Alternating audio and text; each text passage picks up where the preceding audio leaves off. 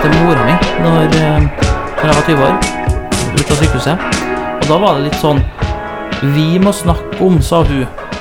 Hva ønsker du hvis den på en måte den siste tilbakemeldinga nå etter en tredje sånn histologirunde blant eh, ekspertene i Norge viser seg at dette her er dødelig, dette her er noen ting som du ikke kan leve noe lenge med. Hva ønsker du å bruke den siste tida på?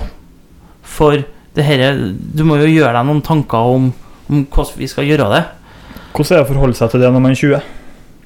Nei, det Hvordan skal man forholde seg til? når man kjører? Altså, på en måte så må man bare si at uh, det er umulig å forholde seg til. det. På en annen måte så er du nødt til å forholde deg til det. Du kan ikke bare si at nei, det er sommer for meg.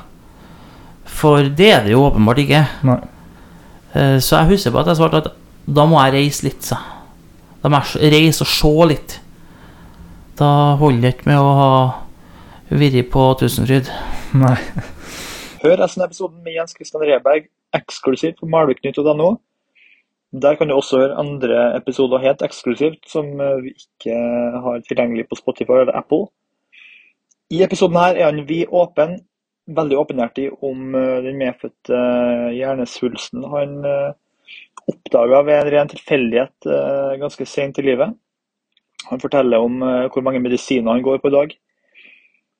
Hvordan det var å leve med denne usikkerheten som barn. Hvor mye det fratok han av eh, barndomsgleden. Og ikke minst eh, lettelsen da han fikk svar på om det lot seg gjøre å leve et normalt liv igjen.